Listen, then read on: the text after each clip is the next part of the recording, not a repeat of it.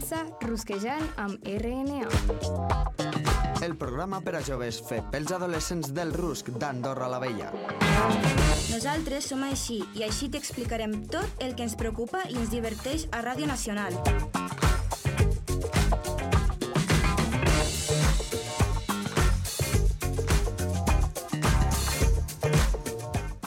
Benvinguts i benvingudes al primer programa de Rusquejant amb Ràdio Nacional d'Andorra. Que qui som, us preguntareu? Som joves diversos en cada programa, però avui ens acompanyen per aquí. Hola, em dic Karen, tinc 15 anys i vaig a l'escola andorrana de Santa Coloma. Em dic Nil, tinc 14 anys i vaig al Jane. Em dic Nayara, tinc 15 anys i vaig al Liceu Comte de Foix. Eh, hola, sóc Elliot, tinc 16 anys.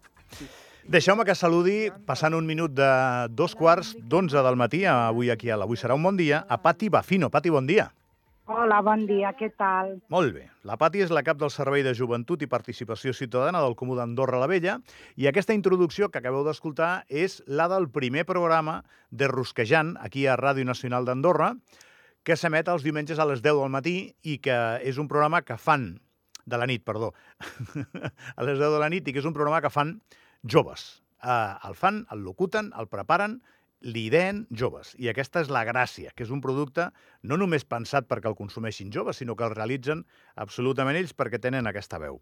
Ara la Pati m'explicarà, perquè és la primera que li preguntaré, doncs el paper de les peces que hi ha aquí. La nostra, la de Ràdio Nacional d'Andorra, és emetre el programa, doncs els estudis i la infraestructura necessària, però aquí hi ha UNICEF involucrat i el Comú de la Capital. M'ho expliques, Pati, sisplau. Doncs sí, doncs és, com bé has dit, és, un, és una col·laboració de diferents entitats per, per afavorir aquest espai de diàleg per a joves, no? O sigui, el programa Rusquejant el que pretén una mica és combinar l'opinió i el coneixement dels adolescents d'Andorra amb l'entreteniment també, amb l'humor i una mica aquest, aquest ambient més desenfadat que crec que, que és un espai també necessari a la ràdio, no?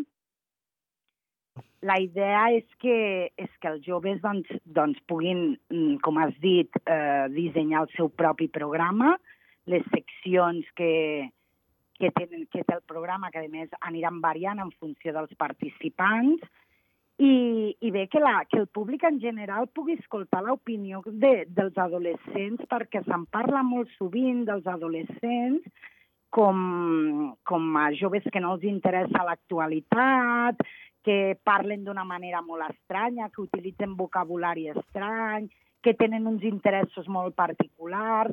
I jo crec que al final aquest programa ens demostrarà que no estem tan lluny els uns dels altres. Això és una cosa molt saludable, eh? unir, unir universos.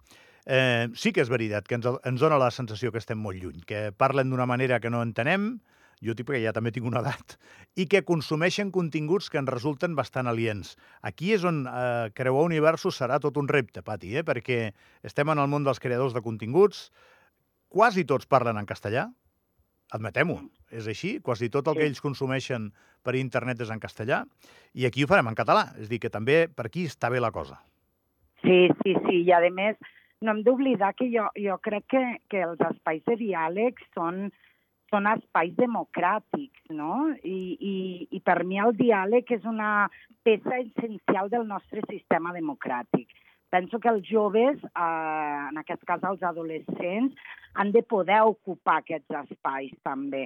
I hem de ser capaços els uns dels altres d'entener-nos també, no? I de i d'empatitzar. De, Llavors, eh, sí que és veritat que ho, ho, ells expliquen moltes coses que veuen i que, i que consulten i que aquest contingut quasi tot està en altres llengües, no només en castellà, consulten un munt de contingut en anglès. Ah. Mm, la veritat és que, si, si us fixeu en la secció de, de curiositats de la generació Z, ells utilitzen molt vocabulari que són acrònims en anglès, quasi tot, i que els utilitzen molt amb, amb el llenguatge dels memes, que aquest és un altre llenguatge que els adults no controlem tant, però que ells el tenen molt interioritzat.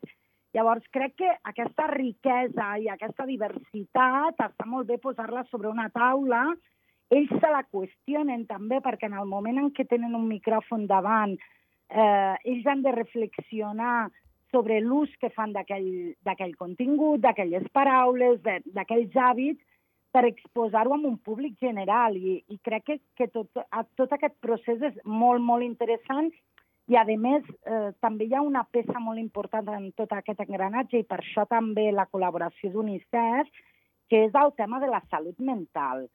Eh, crec que aquesta generació és la generació més preparada en aquest àmbit. També són el col·lectiu més vulnerable, i ho sabem perquè les dades ens ho diuen, de que, de que és, un, és un col·lectiu, els adolescents, on, on són més vulnerables a l'hora de, de patir algun malestar o de, o de, de prevenir alguna enfermetat de, de salut mental. Ells en són molt conscients, controlen molt el vocabulari i, i crec que és important trobar un espai també per parlar d'això i amb UNICEF doncs, hem, hem trobat aquest, aquest petit consultori que fem amb acompanyament de la Marta Albert, també com a membre de Junta d'UNICEF i psicòloga especialista en, en infància, i, i parlem també aquí de tots els seus neguits més emocionals. La última, com vau fer el càsting? Com vam trobar els protagonistes? No fem càsting, aquest és un espai obert, eh, Gavi, on, on tothom troba un lloc. Nosaltres vam fer una crida a totes les escoles, associacions de pares i tots els nostres col·laboradors, i és un projecte que està obert durant tot el curs. És a dir, i això ho hem consensuat, eh, perquè tothom els joves també volen que participin altres joves. Si us fixeu en aquest primer programa, tots són alumnes de diferents escoles. Són un grup heterogeni, no és un grup que estigui cohesionat. És un grup que només té un projecte que és emetre aquest programa de ràdio i entenen que les veus han de ser diverses, que ha d'entrar i sortir gent, que hem de donar oportunitats a tothom. I llavors, aquest any serà un any d'experimentació també amb ràdio, amb ràdio i televisió d'Andorra, que, crec que és un format on, on potser des de la ràdio no esteu tan acostumats, no?, a que entri i surti tanta gent, no? El primer dia que vam arribar allà a la ràdio semblava, no?, veníem allà 10 persones i alguns no volien parlar en aquell primer episodi. No passa res. Mm, hem de trobar moments perquè tothom participi i, i facilitar aquests espais perquè tothom tingui oportunitats.